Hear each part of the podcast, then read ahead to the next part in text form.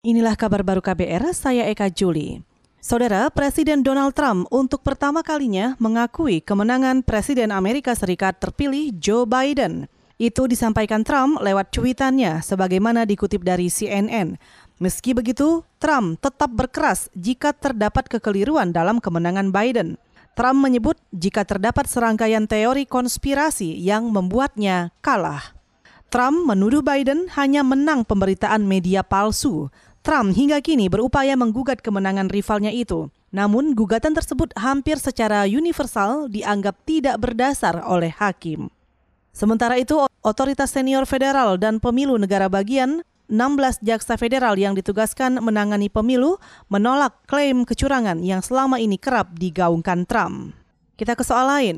Komisi untuk Orang Hilang dan Korban Tindak Kekerasan atau Kontras menerima 1.900 pengaduan terkait tindakan kekerasan polisi saat menangani aksi unjuk rasa menolak Undang-Undang Cipta Kerja Oktober lalu.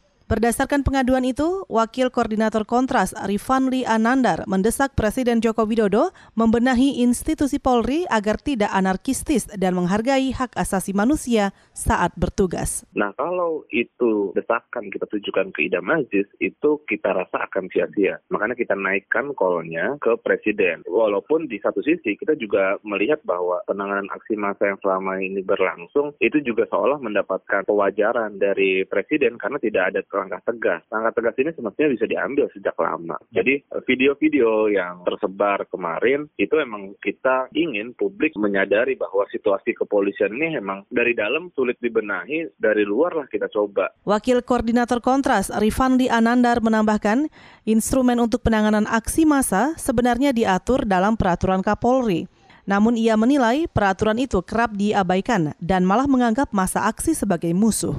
Kontras meminta lembaga pengawas eksternal Polri seperti Kompolnas, Komnas HAM, dan Ombudsman bertanggung jawab mengawasi serta memperbaiki Korps Bayangkara.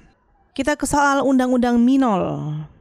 Organisasi Masyarakat Islam Muhammadiyah menyatakan rancangan undang-undang yang mengatur minuman beralkohol bukanlah bentuk islamisasi. Sekretaris Umum Pimpinan Pusat Muhammadiyah Abdul Muti menyebut beberapa negara juga ketat memperlakukan undang-undang mengenai minuman keras. Dilansir dari Antara, menurut Muti, rancangan undang-undang ini minimal harus mengatur empat hal, di antaranya ketentuan kadar alkohol maksimal dalam minuman yang diperbolehkan.